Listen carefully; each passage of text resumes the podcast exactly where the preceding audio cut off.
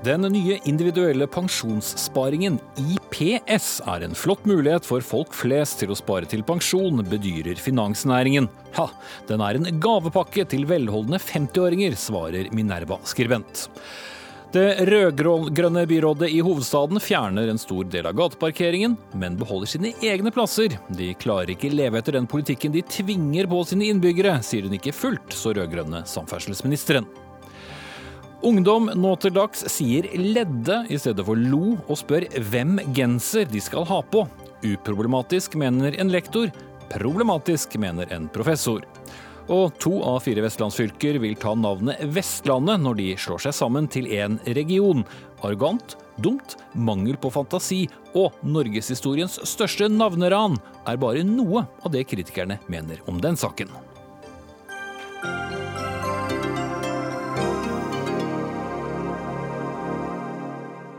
Dette er Dagsnytt 18 med Espen Aas, og som alltid, emneknaggen på sosiale medier er Dags 18.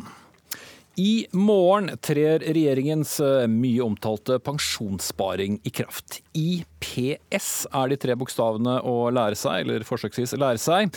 Individuell pensjonssparing er det. Og det skal få oss til å spare til pensjon, samtidig som det gir oss et skattefradrag for pengene vi sparer.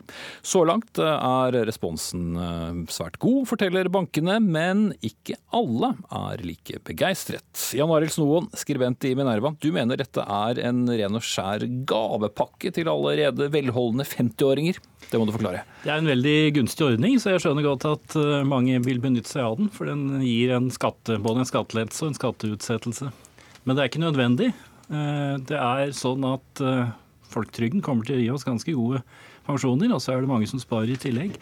Og Vi ser allerede i dag at pensjonistene er den rikeste gruppa i, landet, og de blir rikere og rikere for hvert år. og Sånn kommer det til å fortsette også uten dette. Så dette er en ekstra stimulans som da går rett fra statskassa til folk som meg, eh, som er eh, sånn 50-åringer med litt penger i banken, som vi kommer til å flytte over på dette. Ikke spare mer, flytte dem. Og så får vi litt skattelette. Så det er litt sånn sponsing av dere? Det er sponsing av folk som meg. Da skal vi vende blikket til deg, Tore Vamrok fra Finansdepartementet, statssekretær der. Eh, hva er det dere har satt i gang? Vi har satt i gang en ny gunstig ordning som først og fremst skal stimulere unge til å spare jevnt og trutt til pensjon. Og dessuten ønsker vi at, vi skal, at ordningen skal skape mer bevissthet rundt pensjon. Men trenger vi det?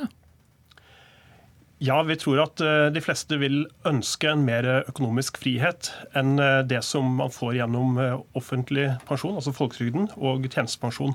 Derfor er det behov for noe mer tilleggssparing. Og vi har da eh, satt i gang en slik skattestimulert spareordning. Til hvem? Til eh, først og fremst eh, unge som kan få lov til å bruke ordningen helt frem til de er 75 år. Eh, og også da segmentet 55 pluss får lov til å bruke ordningen, men ikke så lenge som de unge får lov til. Men har ikke Snoen et poeng i at det er kanskje ikke så mange 18-19-20-åringer som kan sette av så mye til pensjonssparing, men, men snarere de med nedbetalt uh, båt, bil, hytte og hus og hva nå vi har nedbetalt? Jeg tror den viktigste effekten av dette er at flere blir tvunget til å tenke gjennom den personlige økonomien hva man sparer til, og om man klarer å sette til side en tusenlapp eller så i måneden til, eh, til å tenke langsiktig. Jan Otto Risebrobakken, kommunikasjonsdirektør i Storebrand. Eh, jeg tror jeg har sett daglig fremstøt fra dere og andre om eh, hvor fantastisk IPS er for oss alle. Hvorfor denne rørende opptattheten av fremtidige pensjonister? Eller er det fint også å få litt mer penger? Vi vil jo gjerne fortelle om den ordningen, fordi vi syns den er skikkelig god. Jeg har lyst til å gi all honnør til regjeringen og et bredt flertall av partiene på Stortinget som har innført den. For det er egentlig helt naturlig, når man først har innført en pensjonsreform som reduserer pensjonene for folketrygden, og mer jo yngre vi er i dag, og gir oss økt ansvar for egen pensjon, da skulle det bare mangle at man ikke også la til rette for at vi kan ta det ansvaret og spare på en enkel, skattegunstig måte. Og Den ordningen har fått på plass nå. Jeg er helt enig med Snoens utgangspunkt. Det er en gunstig ordning. Da er det viktig at folk får vite om den og kan benytte seg av den. Men hans poeng er vel også at kanskje den er eh, litt mer gunstig for, eh, for de som trenger den minst?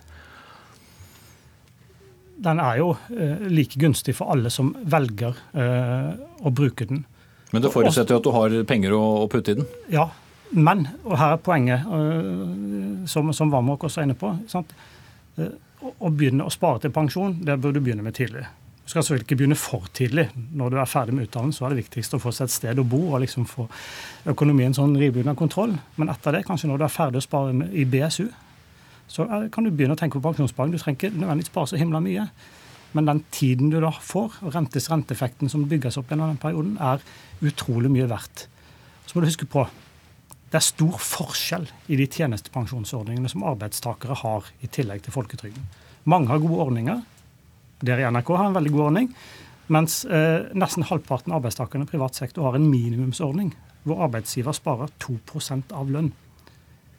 En, en, en, gjennomsnittsarbeidstaker som tjener rundt 500 000, kan matche det innskuddet, doble pensjonen man får i tillegg til folketrygden, ved å spare mindre enn 1000 kroner måneden. Det er ikke det mening, eh, Snoen? Jeg er av disse du snakker om nå. Jeg har en veldig dårlig pensjonsordning og er overhodet ikke bekymret. For det er én ting som hele tiden underselges eller ikke forklares eh, når vi lager scenario for hvor dårlig det blir eh, med pensjon fra folketrygden. Eh, og det er at folketrygdens ytelser de justeres opp, så det du har skutt inn der, justeres opp med reallønnsøkningen hvert år. Og sånn kommer det til å være. Og Det betyr at de som er unge i dag, med den reallønnsøkningen vi har hatt siste 50 årene, hvis det fortsetter, så kommer de til å ha omtrent dobbelt så mye i pensjon fra folketrygden som det disse pensjonskalkulatorene sier. Så det er en sånn, Dette er særlig bransjen som overselger dette at det blir så dårlig. Nei, det kommer til å bli ganske bra for de aller fleste. Og hvis det virkelig er noe som ungdom ikke skal drive med, og unge mennesker skal drive med, så er det spare til pensjon. Det er helt feil å prioritere det. Så har Risbobakken inne på det er riktig at det er ikke de yngste, men det er heller ikke 35-åringene. De driver også, de har barn og de har mange utgifter ekstra. Nei, de som først og fremst har sparet til pensjon, det er de som er 45-50. Det er de som kommer til å ha disse 40 000 å sette av. Eller de har dem allerede. Det bare flytter de over. Får vi skattelettelse, og så får vi egentlig ikke noe særlig effekt av det, bortsett fra at staten taper penger. Alle vi som har sett de som fikk lov å gå av med pensjonen tidlig og tok med seg stigen opp, eh, aldri klarer helt å forstå da, mine herrer eh, fra Finansdepartementet og fra Storebrand, er trenger vi det virkelig, eller er det litt sånn kjekt å ha? Nærmer det seg en forferdelig pensjon hvis ikke jeg begynner å, å spare nå? Hvis vi tar eh, deg først, Risbro Bakken. Ut fra resonnementet til Snoen? Ja, altså det er jo et eh, altså, for så vidt morsomt poeng. Men som pensjonsrådgivning så er det nok mer kuriøst enn det er uh, veiledende. fordi det er klart, jeg tror ikke det er så mange som når de er 67 år og skal, skal, skal gå av med pensjon, sammenligner den pensjonen de da får, med den lønna de hadde som 30-åringer. De sammenligner den pensjonen de da får med den lønnen de, de, de, mister når de slutter å jobbe. Uh, og det vi viser gjennom våre kalkulatorer Og det er ikke slik at vi er ute etter å skremme folk om pensjon. Selv om det er halloween i dag, så er det ikke det vi, det vi, det vi, det vi driver med. Det er uh, nøktern informasjon om hva man faktisk kan forvente å få.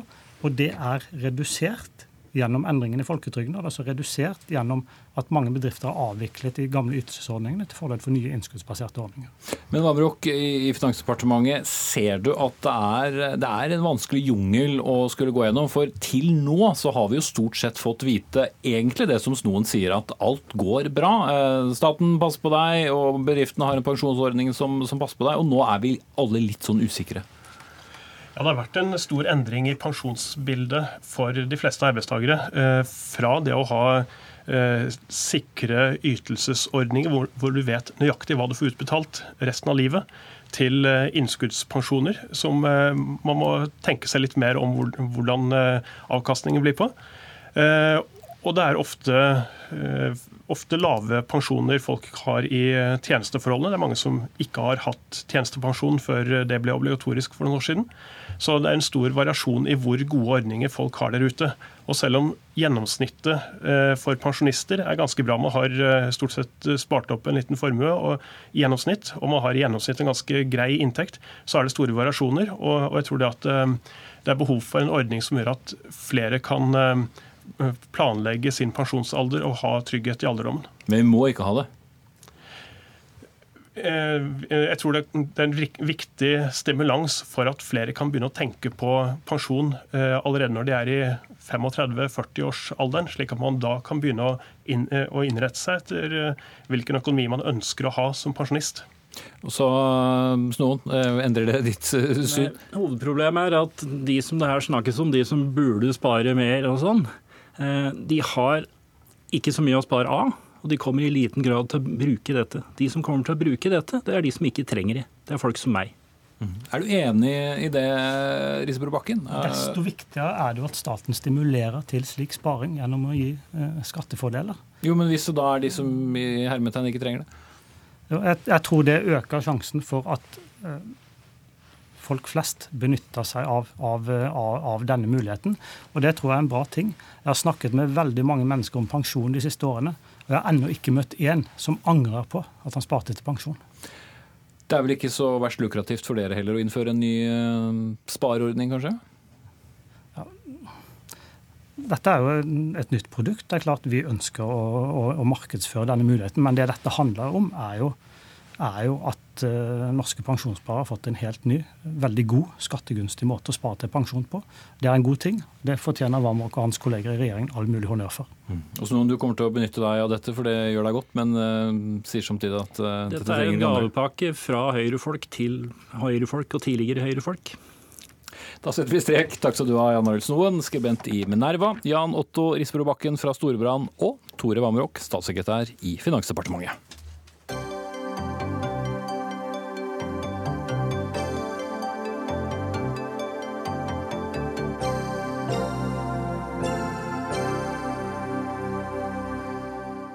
Så skal vi til uh, hovedstaden, for det rød-grønne byrådet skal fjerne mye av gateparkeringen i Oslo sentrum. Noen vil si det aller meste, men selv beholder de inntil videre sine egne parkeringsplasser. I løpet av utgangen av neste år blir 700 parkeringsplasser fjernet fra Oslo sentrum. Det er SV, Miljøpartiet De Grønne og Arbeiderpartiet som står bak prosjektet, som heter Bilfritt byliv. Nettavisen har skrevet mye om dette, men mens det altså stadig blir færre parkeringsplasser i hovedstaden, så har politikerne som fjerner dem, fremdeles muligheten til å parkere bilene sine i kjelleren i rådhuset. Og dette har fått deg til å reagere kraftig, Ketil Solvik-Olsen, stadig samferdselsminister for Frp. Du sier at det er en innrømmelse at uh, Oslo-politikerne ikke klarer å leve opp til, uh, til sine, sin egen politikk? Ja, det mener jeg det illustrerer. Når en eh, selv velger å ha beholde parkeringsplassene og aktivt bruker de, samtidig som du mener at resten av eh, samfunnet innenfor Ring 1 skal klare seg uten det, da viser det at en ikke selv tror på sin egen politikk. Om det er rett eller galt å ha bilfritt sentrum, og i hvilket omfang en skal ha det, det er en debatt. Men at en ikke lever opp til det en prediker for andre, det mener jeg det blir helt feil. Vi som politikere bør lede gjennom eksempel. Hvis vi mener at andre skal oppføre seg på en bestemt måte, så bør en i hvert fall vise at en gjør det selv. Når Oslo-byrådet ikke gjør det, så, så syns jeg det setter et dårlig eksempel. Men vi vet jo òg at Oslo-byrådet for to år siden sa at det å kjøre bil skulle være like stigmatiserende som å røyke sigaretter. De kjører like mye drosje, de kjører like mye personbil av den grunn. Sånn at det er et veldig stort gap mellom det en prediker for andre, det en gjør selv, og Da mener jeg da bør de heller legge om politikken, sånn at de tar inn over seg den hverdagen folk lever i. Hall Markussen, eh, før du får uh, slitasje i pekefingeren din, så skal du få lov til å svare for uh, byrådet. Uh, ja, altså her er det først og fremst en del um, feilpåstander som jeg er nødt til å ta ned. Um, men ikke at dere har parkeringsplasser? Det er ikke feil? Nei, det er parkeringsplasser i rådhuset. men selvsagt så må vi også se på de i forbindelse med Bilfritt bylivsprosjektet. det kan ikke være sånn at vi som politikere skal fortsette å ha privilegier som vi mener at resten av befolkningen ikke skal ha. Så mitt eget parti, Miljøpartiet De Grønne, foreslo allerede i forrige, episode, nei, forrige periode å se på alternativ bruk, og nå har byrådet satt i gang et arbeid nettopp på å se på alternativ bruk av rådhusgarasjen. og Det skyldes jo selvsagt eh, Bilfritt byliv-prosjektet, eh, og ikke minst også det at rådhusgarasjen brukes stadig mindre. Altså Det er mange av oss, eh, byrådet f.eks., meg selv inkludert, som ikke bruker den parkeringsplassen fordi i mitt mitt eh, tilfelle så går jeg til jobb. Så Men- her at vi, er, vi har satt i gang en prosess nettopp for å se på det her. Så her prøver samferdselsministeren å lage en sak ut av noe som, eh, som ikke er en sak, fordi at vi kommer til å gjøre noe med det. Ja, men alle andre som enten besøker eller er i i Oslo, sliter jo da med å parkere bilen. eh, Og de har jo ikke et eh, fint parkeringshus som Men det er jo nettopp det jeg sier, at eh, vi som politikere kan ikke forvente å ha privilegier som vi ikke mener at andre skal ha. Så derfor så har vi jo nå satt i gang en prosess med å se på alternativ bruk. Det gikk fortere med de andre. Eh, hæ? Det gikk fortere med de som hadde gateparkering. Nei, nå har vi ikke fjernet alle parkeringsplassene i Oslo. Det er jo et prosjekt som går over flere år, det her. Eh, Men selvsagt, dette har vi hele tiden tenkt at må være en naturlig del av dette prosjektet. Samtidig så må jeg få lov til å si at jeg syns egentlig det er ganske oppsiktsvekkende at vi har en samferdselsminister som har ansvar for de virkelig store, tunge infrastrukturprosjektene i hele landet, og som allikevel velger å engasjere seg som om man skulle være en opposisjonspolitiker i Oslo, når Oslo egentlig trenger hjelp fra denne samferdselsministeren nettopp til å få til eh, store kollektivprosjekter, blant annet. Er det, er det rolig i departementet om dagen, siden du kan Nei, nei, engasjere deg i jeg, dette? jeg deltar både i store og små debatter. og Dette er mer om politikkens rolle, ikke nødvendigvis samferdselspolitikken som, som sådan. Fordi at Det å gi inntrykk av at fordi en har en prosess med hva en skal gjøre med garasjen i framtiden, så fjerner ikke det det faktum at Nettavisen påviste at veldig mange i byrådet Veldig mange av de som sitter i posisjon i Oslo, bruker garasjen aktivt. De sto og intervjua, de filma de når de kjørte. Og Det viser jo bare at selv om dere en gang i framtiden gjør noe annet og fjerner den, hverdagen til disse politikerne som sier at andre ikke skal bruke bil, er likevel at de har gjort seg avhengig av bilen sjøl. Fordi at de ser at alternative transportmåter er dårligere eller tar lengre tid. Og Det er jo hverdagen for oss alle. og Problemet er at mange av oss andre har ikke muligheten til å velge eller få privatsjåfør og lignende. Sånn at det, det er det ene. Når det er det andre, ja, vi gjør de store løftene i Oslo. Dere skryter av at dere har løfta kollektivtrafikken med hvor mange titalls millioner. Dere får en halv milliard kroner mer eh, over statsbudsjettet til kollektivsatsing. Eh, Den kollektivsatsing som var når vi overtok, har vi firedobla for de største byene. Jernbanebudsjettet er 9 milliarder kroner høyere nå enn når vi overtok. Så ja, vi løfter de tall. Nei, men det, poenget, det viser Jeg må jeg få svare på problem, dette, fordi jeg, jeg har ingen problem med å løfte de store debattene. Oslo er en av de som virkelig kommer Men godt ut. Jeg er- håper dere løfter like godt sjøl. Men det er likevel liv- og læredebatten som vi, er debatten her. Vi, vi løfter mye i Oslo. og Bare for å også si noe om det. Bilfritt, eh, et mer bilfritt sentrum er noe som et flertall av Oslos befolkning ønsker seg. Eh, Så det Jo, men de ser vel fortsatt at uh, dine tar- kolleger, selv om ikke du nødvendigvis Nei, parkerer i nei, garasjen, men altså, så det er flere av uh, mine kolleger som heller ikke bruker bil i er hverdagen. Og vi er helt klare på at vi også må selvfølgelig følge akkurat de samme politikken som det vi legger opp til for resten av Oslo Men sentrum. det det vi trenger hjelp fra en samferdselsminister til, er bl.a. effektive tiltak med å skille syklister og bilister. Vi trenger kollektivnett. Vi trenger eh. ikke minst hjelp med å få på plass effektive tiltak for en bedre Oslo-luft. Og Der har vi merket at samferdselsministeren somler bl.a. med avklaringer på lavutslippssoner. I Oslo så har vi mye vilje. Vi har backing fra Stund. befolkningen. Og jeg håper virkelig at samferdselsministeren kan gi oss drahjelp på disse tingene i fremtiden, for det er viktig for Oslos befolkning. Er det lettere å flytte fokus på små Nei, symbolsaker? for, for all del. Jeg tar gjerne kollektivdebatt òg, fordi jeg, jeg viser jo at eh, ved en, å ha en borgerlig regjering, så har Oslo fått mye mer penger til å satse på kollektiv enn det en fikk med rød-grønn regjering før oss. Det satses mye mer på jernbane. Er eh, Salget av lavutslippsbiler er gigantisk mye høyere nå enn det har vært før. Så alle de tingene du etterlyser, det leverer vi på, og vel så det. Det jeg peker på her, det er at dere sier at folk skal klare seg uten parkeringsplass i Oslo sentrum. Allikevel så, så lever altså veldig mange av dere som styrer i Oslo, kjører bil, parkerer under arbeidsplassen deres, selv om dere mener at andre skal la være å gjøre det. Men nå sier jo du- jeg at premisset men- men- her er nettopp fordi at stadig færre bruker parkeringsplassen sin Men- i rådhuset, og vi er i helt, ferd eh, nettopp å finne eh, et spørsmål alternativ bruken. Så her argumenterer samferdselsministeren som om noe annet er realiteten enn det det faktisk er. For jeg har stor forståelse for at vi må leve klare litt opp som vi i dette nå. preker prediker selv. Det Ok, har jeg tre, tre stykker på en gang eh, fungerer kjempedårlig. La meg foreslå følgende. Altså, dere vil altså fjerne totalt 700 parkeringsplasser innen utgangen av neste år, altså 2018. Forsvinner da også parkeringen under rådhuset? Som, som, sagt, eh, vi er i ferd med en prosess her nå. Så er det selvfølgelig noen hensyn vi må ta der, i likhet med hele sentrum, i forhold til bevegelseshemmede, bl.a. og varelevering. Og det er jo akkurat det samme som vi også finner løsninger for i resten av Oslo sentrum. Men at politikere som meg skal ha noen privilegier som ikke resten av byens befolkning skal ha, det eh, ønsker vi, mener vi selvfølgelig ikke at vi bør ha. Men personlig skulle du gjerne sett at den allerede var stengt?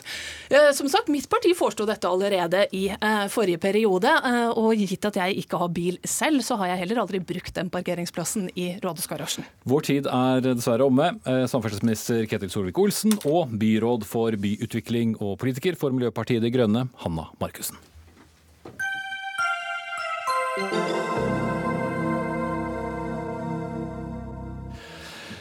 Spiss eh, ørene og ta eh, stilling til følgende. Jeg ledde så mye av det han sa.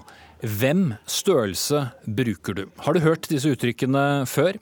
Gremmes du, eller overser du dem? Lektor Kjetil Dybvik fra Sandefjord, du skriver en eh, kronikk i Bergens Tidende i dag at ungdom må få lov til å si ledde i stedet for lo, og at gamle språkmoralister uansett bare kommer til å bli mer og mer forarget i fremtiden. Men er det ikke et poeng å fortelle f.eks. For elever og ungdommer at de eh, har gal grammatikk? Nei. Jeg syns alltid det er et poeng å snakke med eh, ungdommer. Også, å komme i en dialog med dem og diskutere saker og ting. Ikke først og fremst eh, arrestere dem for språkfeil eller ta dem i språkfeil på enkeltord, men heller komme i en dialog med dem og diskutere da, hva som er, hva er godt språk. Det må være mye mer enn å bare fokusere på, på enkeltord, som jeg syns mange gjør. da. Men det er ikke det samme som å si at uh, hvis en uh, elev mener at uh, fire pluss fire er ni, så får det også være greit? Det er jo grammatikalske regler. ja, nei, men Nå har ikke fagene norsk og matematikk blitt slått sammen ennå. Det er kanskje en grunn til det. De, de er litt sånn vesensforskjellige, de to fagene. Og det er ikke så mange fasiter i, i norskfaget.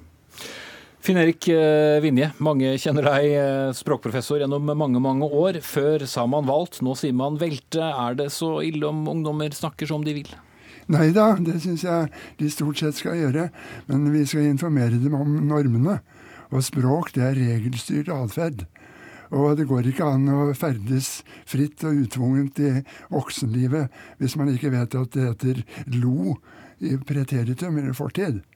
Så foreldre og lærere gjør barna og ungdommen en tjeneste når de orienterer dem om det eksisterende regelsystemet. Det behøver ikke bety at dette regelsystemet skal bli stående for alltid, men det er det vi har nå, og det trenger vi å rette oss etter. For eh, det er jo ikke tvil om at eh, hele den tiden du har vært opptatt av språk, og for så vidt hele min voksne alder, så har jo veldig mye skjedd på språkområdet. Man har myket opp de og dem, da og når, ja, ja, osv. Det, det har skjedd mindre enn man tror. Eh, språkutviklingen går ikke så fort som noen innbiller seg. Men her er det snakk om å møte barn og ungdom i deres kamp for å erobre riksspråket. Og det er en stor innsats som må gjøres, og den, det gjør vi dem en tjeneste hvis vi hjelper dem med. Men Kjetil Dybvik, hvor tenker du at uh, grensen går? Skal man få lov til å snakke som man vil, og så hva da?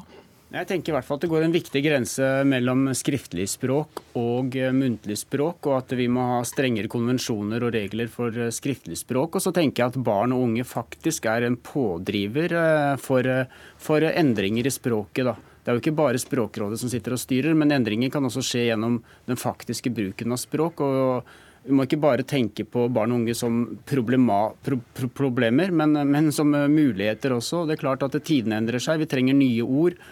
Og ja, Når det gjelder svake verb, som du starta med her, ledde, så, så, har det jo vært en utvikling hvor, uh, hvor uh, vi har færre sterke verb, ikke sant? og det er ikke så unaturlig at de får en påvirkning fra svake verb, og så at de går mer i den retningen. Kona mi sier skjærte brød, jeg sier skar brød, men vi lever jo godt sammen likevel. Altså. Ja.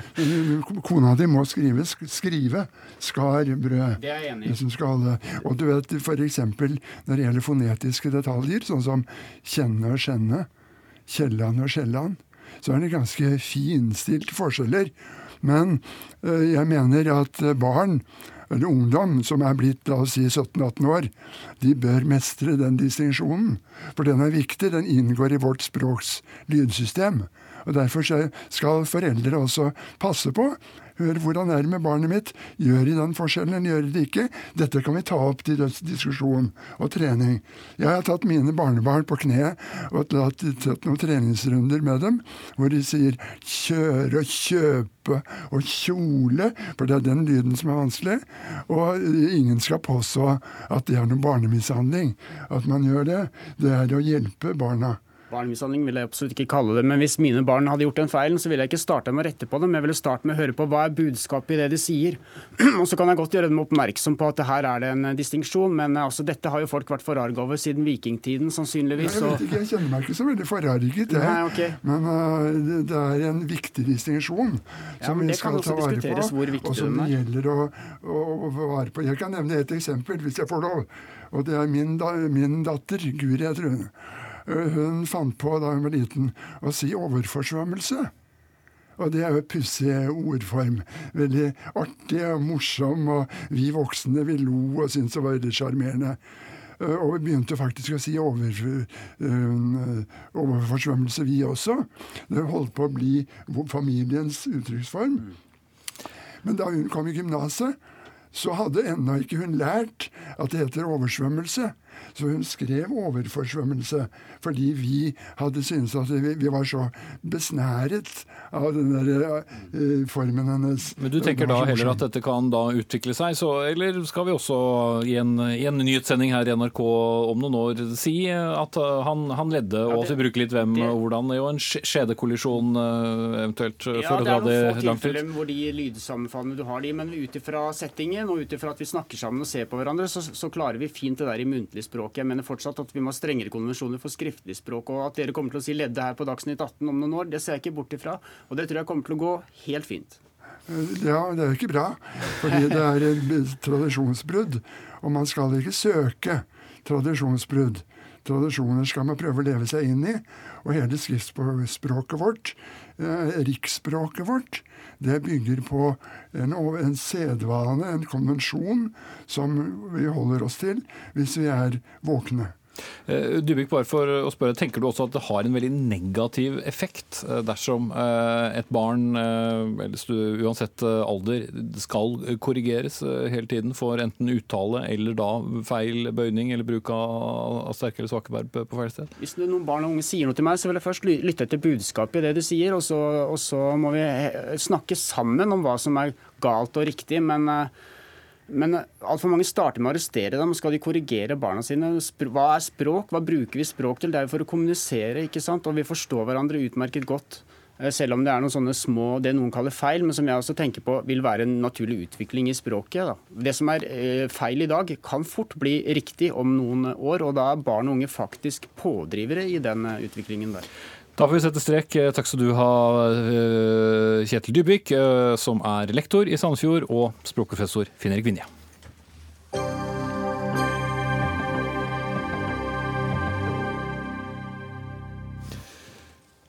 Da skal vi bevege oss eh, fra språk til laks, faktisk. For i en ideell verden har vi følgende kolon. Oppdrettslaks som ikke får lakselus, oppdrettslaks som ikke rømmer, og vi har også teknologi som samler opp alt fiskeavfall fra merdene, slik at det ikke forsvinner ut i vannet.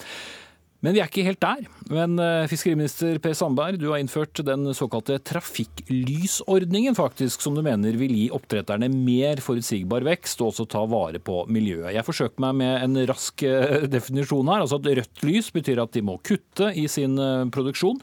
Gult lys at de må fryse den. Og grønt lys at de kan få søke om å vokse, altså øh, større bestander.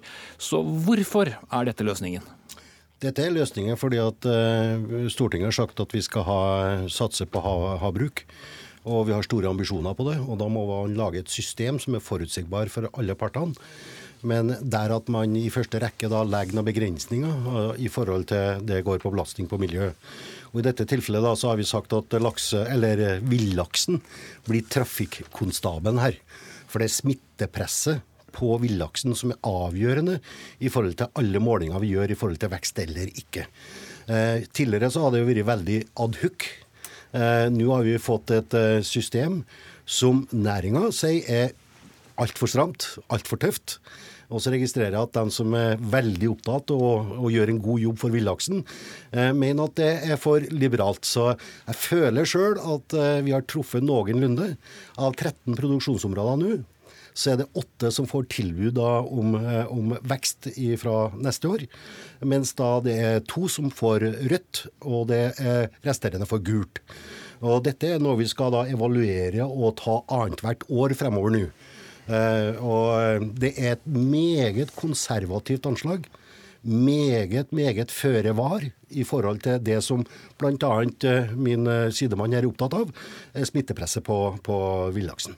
Og din sidemann han heter Erik Serud er biolog og fagsjef i norske lakseelver. Du mener at fiskeriministeren har satt opp et trafikklys, og så har han eh, tredd en pose over det røde lyset. Du får utdype det også. Ja, det er eh, det, er det. det har vi visst lenge, at han har sagt det, at det blir ingen reduksjon i røde områder.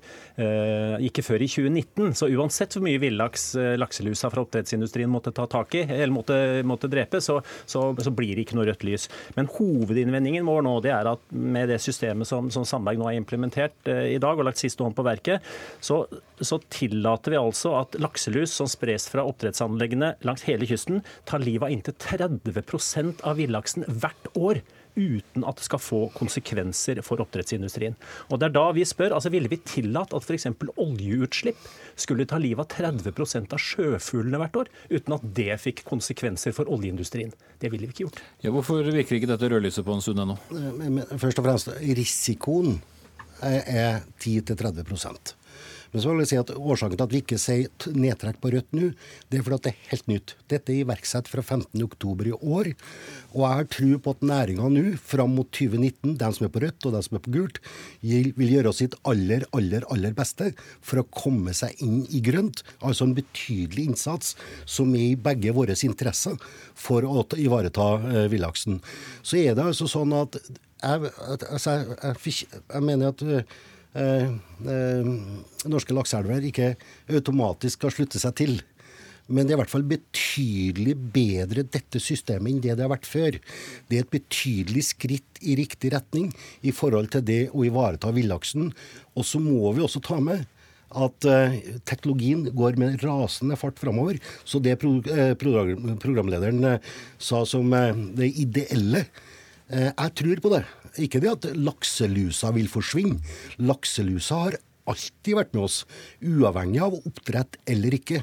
Men jeg har tro på teknologi, nye arealer og alt dette vil gjøre at vi kommer til å gå inn i en tid med en ny generasjon oppdrett som nettopp vil ivareta eh, det som norske lakseelver er opptatt av.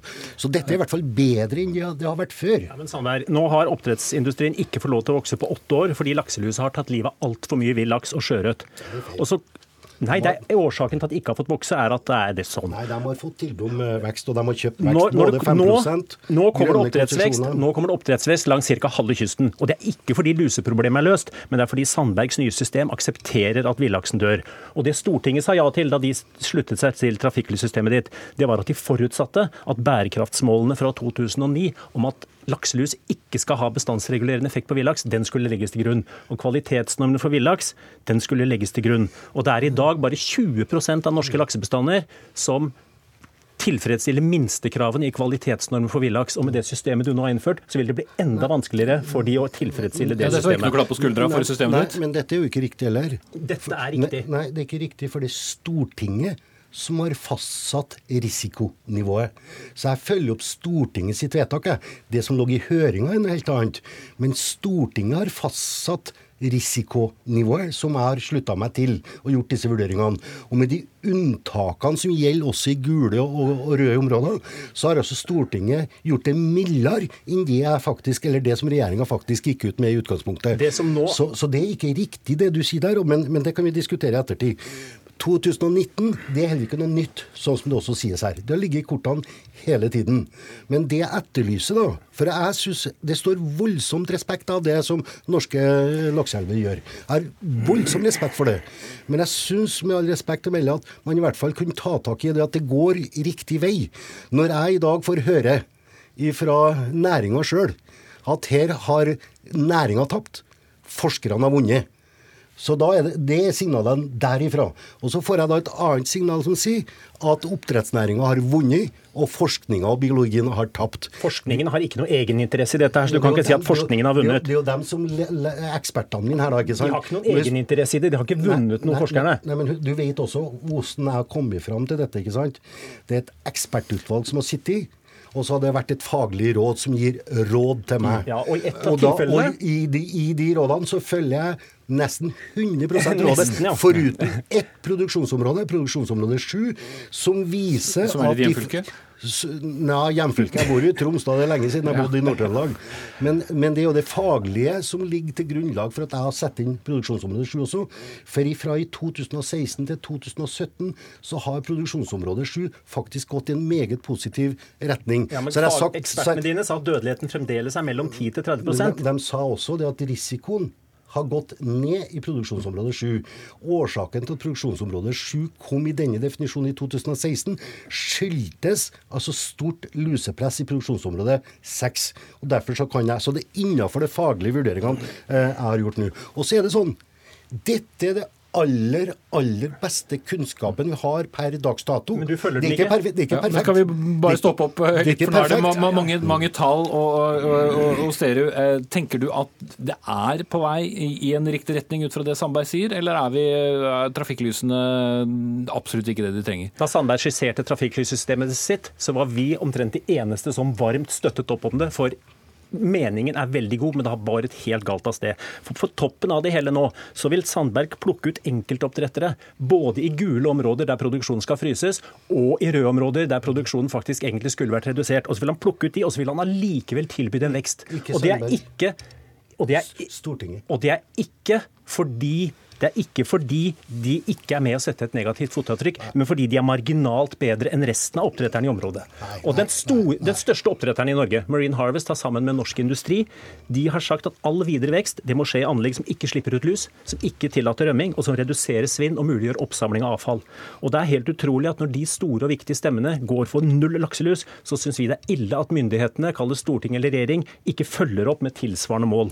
Følger dere bare rådene som, som passer dere? Nei. Og Det, det er derfor jeg sier at dette er ekspertutvalget, og det er ikke hvem som helst som har sittet der. Dette er eksperter på lakselus. Det er eksperter på villaks som har sittet i dette ekspertutvalget. Det er vi enige om. Og så, det er vi enige om. Og det er dem, disse rådene jeg følger, foruten ett råd på produksjonsområde 7. Men der sier også disse ekspertene og dette rådet til meg Utviklinga på produksjonsområde 7 har gått ifra gult i 2016 til grønt i 2017. Så er det altså sånn, da. Risikovurderinga ligger hos ekspertene, forskerne og alle disse. Så er det da risikohåndteringa, har Stortinget sagt at det skal vi ta i regjering. Og da, når jeg sa det så vidt, disse unntakene Jeg prøvde å si det i sted. Men det er altså Stortinget som har stramma opp det. Sånn at flere kan få unntak innenfor gult og rødt. Og du er uenig i det? eller? Nei, jeg syns det er greit sånn som det er nå, for at vi har lagt noen rammer rundt det også.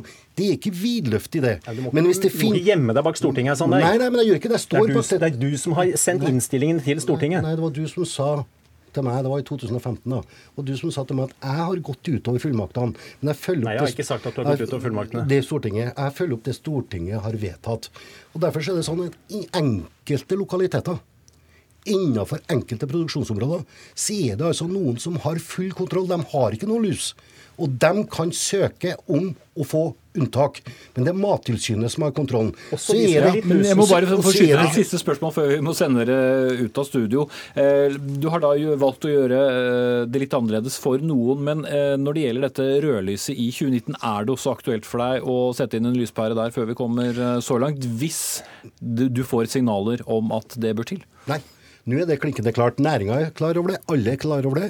Nå er det 2018 og 2019 som gjelder fram til neste vurdering av vekst. Og dem som får rødt i 19, dem må trekke ned produksjonen med 6% Det er definitivt.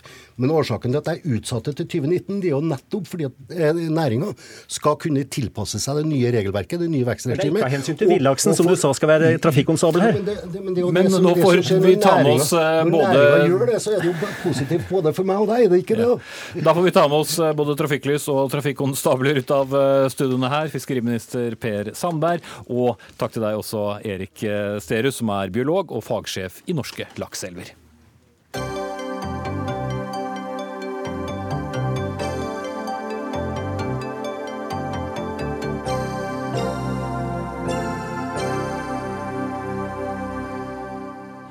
Bør dopingtatte idrettsutøvere betale advokatregningen sin selv, eller er det greit at utøvere, som f.eks.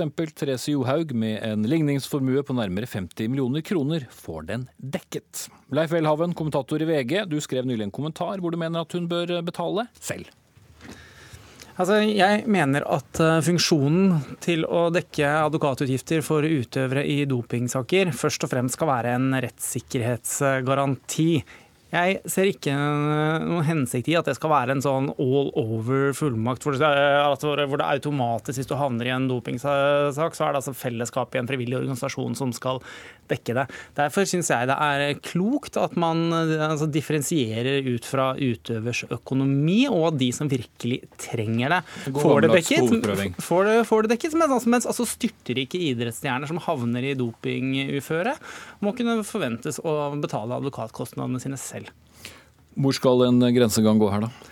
Altså, det er selvfølgelig en uh, jobb som uh, må gjøres. Jeg kan ikke sitte her og si det sånn sett akkurat på, altså akkurat på krona, men må da finne et altså fornuftig uh, nivå på, på, hvor man trekker grensegangen.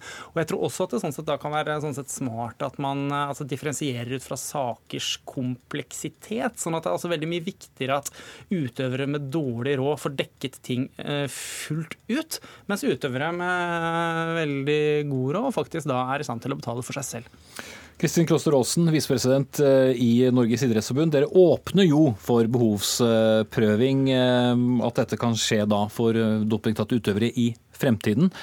Hvorfor skjer dette? Er dere redd for at det blir litt dyrt med dagens ordning?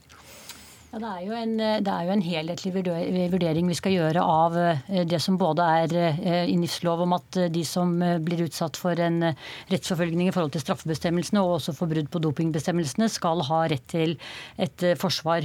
Og så har jo disse sakene etter hvert blitt veldig store og omfattende. og Tidligere så var det jo sånn at prinsippet hadde med behandling i våre domsutvalger å gjøre. Og så er det mange av disse sakene som da blir pådømt i internasjonale eh, organisasjoner, også helt opp til KAS. Og det sier ikke NIFs lov noen ting om. Og selv om vi har behandlet alle utøverne likt, og også dekket kostnadene forbundet med behandlingen helt opp til KAS, så mener vi nå at det er lurt å se på helhetlig om ikke man burde differensiere litt på dette. Burde dere vært tidligere ute med den tankerekken? Dette er jo sånne, altså alle, lover, alle lover og regler er utsatt for vurdering eh, over tid, og, og nå var det på tide å gjøre noe med, med dette. Og, og, det er viktig som Welhaven sier at dette er jo først og fremst en prinsipiell vurdering. Eh, og så må man jo gå inn og se på om kostnadsnivået også gjør at man er nødt til å ta helt spesielle hensyn i forhold til det som er annerledes for NIF som en frivillig organisasjon, og f.eks. staten som har det som et slags grunnfestet prinsipp som, som man dekker for alle. Mm. Eh, Gunnar Martin Kjenner, idrettsjurist. Du var bl.a. forsvarer for kappgjenger Erik Tysse etter at han avla positiv dopingprøve i 2010. Han fikk ingen økonomisk støtte fra Norges friidrettsforbund. Eh, hvilke tanker gjør du deg om at eh, Johaug da f.eks. har fått dekke sine kostnader? Ja, Det er jo to helt ulike verdener de to eh, opplevde. Tysse jo, drev jo en ikke-kommersiell idrett og hadde jo ikke inntekter i det hele tatt på, på, sin idrett. Han måtte jo støtte seg på sin kone som, som, hadde, som var i næring, som arbeidet, hadde arbeidsinntekt. Så det var en helt, helt, det, var helt det er ikke i nærheten av å sammenligne hverandre. Eh, I den saken så måtte vi også ha biokjemikere med på laget til å analysere prøven. Og det var jo ikke snakk om å få dekket noen av de kostnadene der, så, så den dopingsaken hans, den, den kostet han veldig, veldig mye.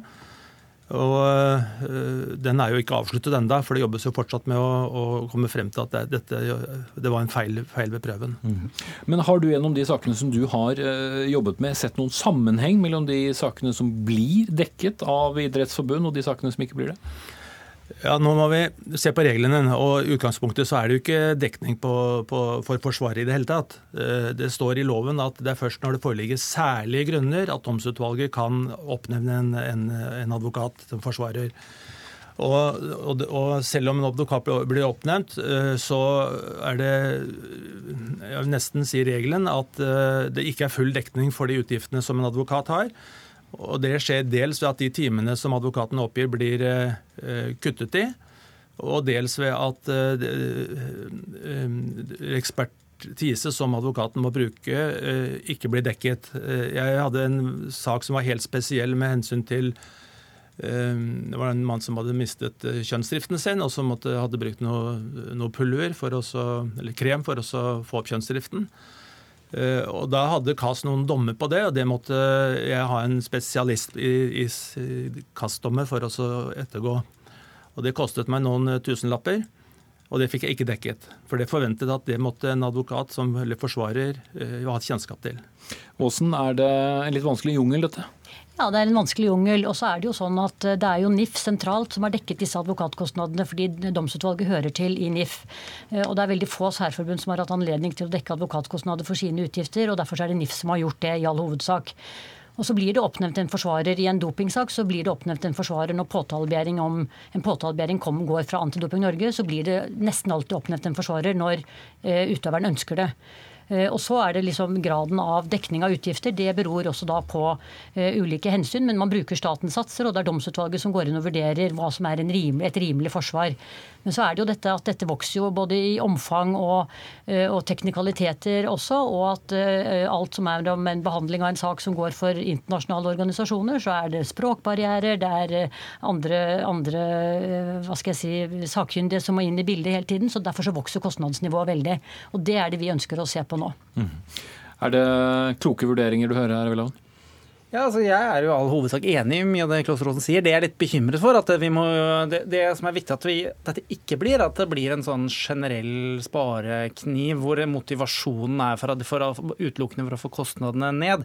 Jeg mener at altså, reelle saker hvor det er snakk om veldig høye kostnader til veldig rike utøvere, er det, er det helt klart berettiget å kunne være strengere på. Men det er klart at det der blir en rettssikkerhetsfare dersom liksom, listen legges for, legges for høyt. sånn at konsekvensen av dette må ikke bli at eh, utøvere som har et eh, helt reelt behov for, altså for mindre mulighet til å få det dekket, snarere tvert imot.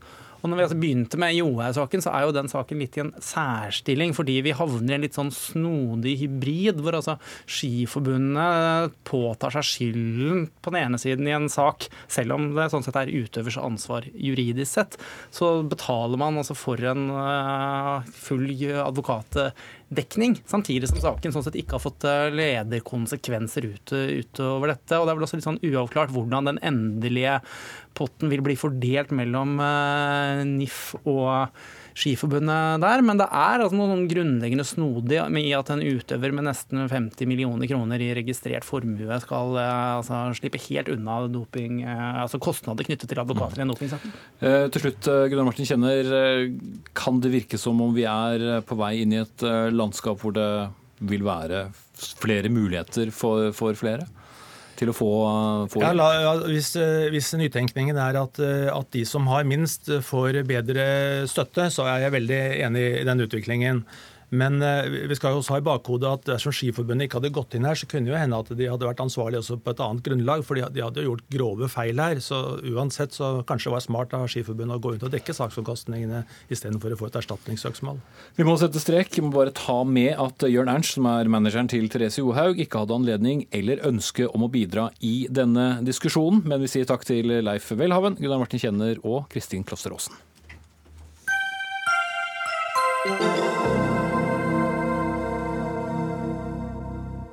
Og Vestland, Vestland, når jeg ser deg slik, eller gjør vi det?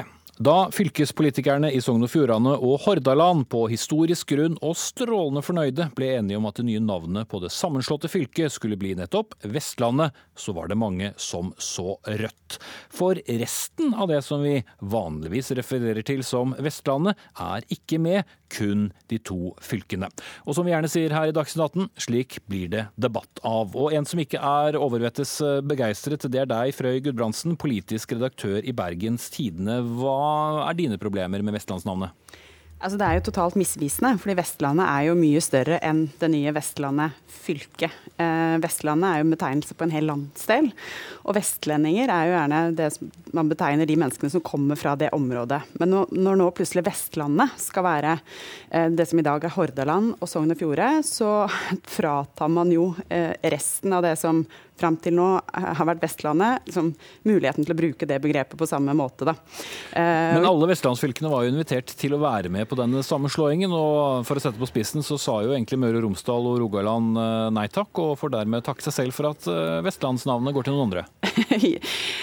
ja, men jeg er litt usikker på om den måten å se det på er, veldig, er så veldig smart. Da, fordi ambisjonen er jo fortsatt at Rogaland på et eller annet tidspunkt i hvert fall skal bli med, og at dette er noe som kanskje kan fortsette at dette nye fylket etter hvert kan bli større, en hel region liksom i én en enhet. Da.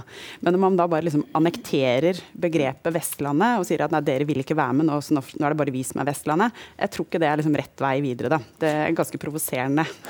Meningslandskapet her er sammensatt, for i samme avis, og ikke mindre enn av din sjef, så er eh, meningene motsatte, nemlig sjefredaktør i Bergens Tidende, Ulf Hjertnes. Hvorfor er dette et godt navn når eh, to av fire fylker uteblir? Eh, fordi det, er et flott navn. Eh, det er to vestlandsfylker som eh, finner sammen, går inn for en politisk integrasjon, som har en sterk vestlandsidentitet, ligger sentralt på Vestlandet. Da skjønner jeg godt at fylkespolitikerne falt ned på det som et logisk navn.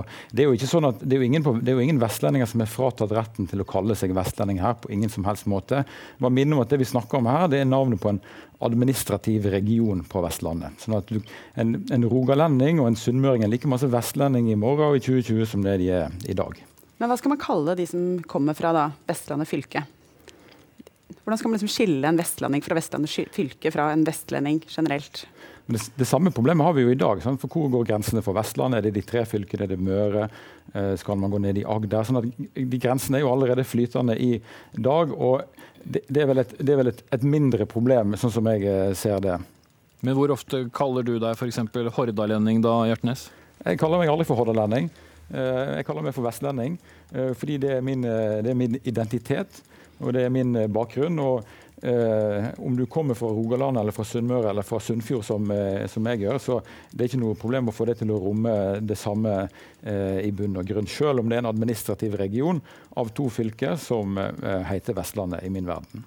For Frøy Gudbrandsen, de, de, det er ikke sånn at de ikke kan kalle seg vestlendinger lenger, eh, selv om du skulle finne på å bo i, i Rogaland eller Møre og Romsdal? Nei, Folk kan kalle seg hva de vil, men det er ingen tvil om at dette medfører liksom språklig forvirring. For hva mener man heretter når man snakker om Vestlandet? Mener man Vestlandet som det store Vestlandet, eller mener man Vestlandet som Vestlandet fylke? Og Det er jo også noe av grunnen til at Språkrådet mener at dette er en, en veldig dårlig idé.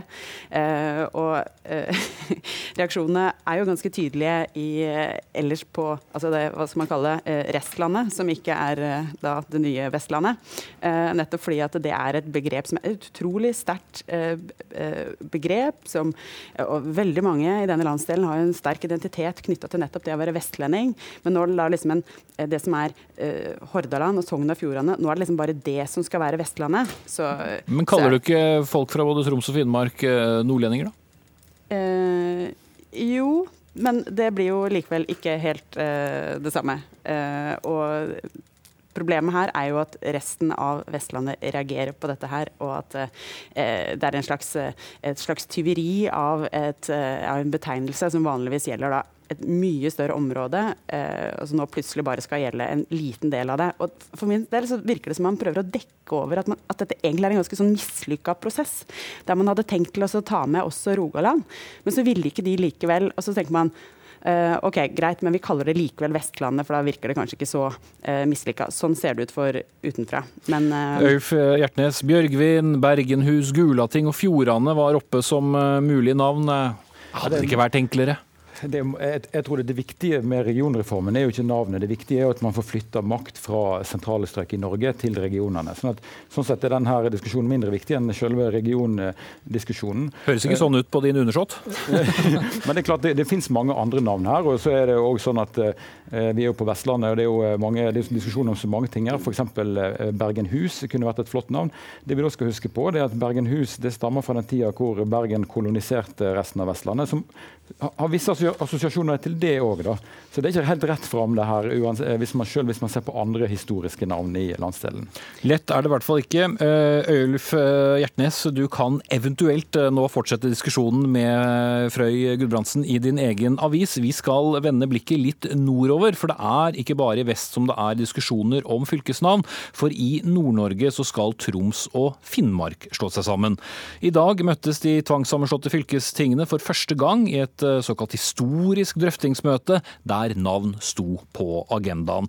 Og dere har holdt på med møter i hele dag, og er vel stort sett uenige uenig om det meste. Fylkesordfører i Finnmark, Ragnhild Vassvik, eh, hvordan syns du det gikk?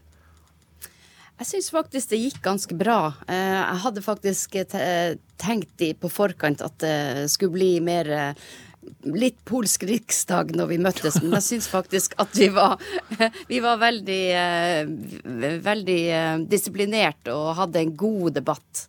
Ble dere enige om noe, da? Nei, det kan jeg ikke si at vi ble enige om, men det var heller ikke hensikten. Hensikten var at vi skulle møtes for første gang og bli kjent, og vi skulle eh, drøfte de problemstillingene som departementet har bedt oss om å gjøre i denne eh, reformen. Nå har du hørt eh, to stykker fra Vestlandet diskutere navn. Hvor lett kan det bli eh, å bli enige om et navn eh, for dere som er i de to nordligste fylkene?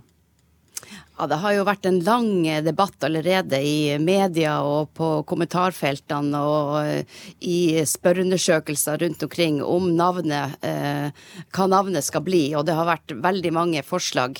De aller fleste har eh, endt opp med enten Finnmark eller Troms, eller Troms og Finnmark, eller Finnmark og Troms. Så det er også de eh, alternativene som har vært versert i dag, pluss noen til. Ja, for forslaget om å kalle det nye fylket for GOK kom på annenplass i avstemningen i lokalavisen i Tromsø. Og Mordor, som eh, mange vil kjenne fra Ringenes herre-bøkene, kom på, på førsteplass. Men eh, vi endrer ikke der. Nei, jeg tror det, det, tror jeg er veldig langt i andre enden av, av eh, aktuelle forslag. Så vi har fra Finnmarks side har vi endt opp med et forslag om Finnmark. Eh, det er et historisk eh, godt navn som vi mener er, kan stå seg i denne eh, sammenslåinga. Men Troms har endt opp med et annet forslag. Som er? Som er Troms og Finnmark. Og det, sånn er det. Og vi skal inn i forhandlinger nå, så da har vi de to utgangspunktene, egentlig å gå ut ifra. Men det er vel ikke så galt som det blir Troms og Finnmark? Det hender vel mer enn en gang at dere blir referert til det også i dag? Nei da, og vi har satt som et alternativ til Finnmark, har vi sagt Finnmark og Troms. Så det er også et alternativ. Det kan høres ut som eh, den navnediskusjonen kan eh, komme til å ta litt lang tid? Ja, det, vi skal være ferdig eh, forhåpentligvis i desember med, i, i våre respektive fylkesting da. Eh, da håper vi at vi har klart å lande den saken. Men bare for å referere til den debatten som er på Vestlandet nå, så har også forslaget vært Nord-Norge. Men nettopp av den grunn eh, som, eh, som, debattanten viser i forhold til Vestlandet, så har ikke vi med oss Nordland inn i denne sammenslåinga. Og da vil det være eh, vanskelig å kalle oss for Nord-Norge eh, når vi har et Nordland som står alene. Frøy Gudbrandsen og Ulf Hjertnes, dere er fortsatt med oss fra, fra Bergen. Har dere noen råd å gi? Det har vel ikke altså, Jeg syns i hvert fall det høres betryggende ut at de prøver å lytte litt mer. Da. Jeg syns det som er liksom problemet her, at man liksom turer fram uten ører. Og det gir liksom et utrolig dårlig signal til den videre prosessen at man velger et navn som provoserer eh, alle rundt seg. Eh, og Hvis man bruker litt lengre tid på navneprosessen istedenfor å bare gå for den første beste ideen som høres ut som en strålende idé akkurat der og da, så høres det egentlig ganske fornuftig ut. Hjertnes, eh, hva sier du? Nei, mitt råd er å være opptatt av den skjevfordelinga av makt som er i Norge. Mer opptatt av det, og mindre opptatt av navn. For navn er tross alt ikke det som er det viktige her. Det viktigste er en regionreform som flytter makt fra sentrum til regionene i Norge. Jeg tror det er noen som vil være litt uenig med deg om at navnet ikke er viktig? Det er klart Navn er identitet, og det er masse følelser knytta til navn. Men eh, det er jo kanskje grunn til å stoppe opp og spørre oss sjøl da. Er, det, altså er, dette, er, dette, virkelig et problem, eller er det et større problem at vi har en sånn maktkonsentrasjon i Norge rundt uh, hovedstaden? I min verden så er det langt viktigere enn uh, hvilket navn vi ender på i denne diskusjonen her. Vi setter uh, i alle fall strek der. Frøy eh, Gudbrandsen og Øyulf Hjertnes fra Bergens Tidende og Ragnhild Vassvik fra Finnmark. Her innenfor Ring 3 takker ansvarlig for sendingen Dag Dørum, teknisk ansvarlig Finn Lie, og her i studio Espen Aas for seg.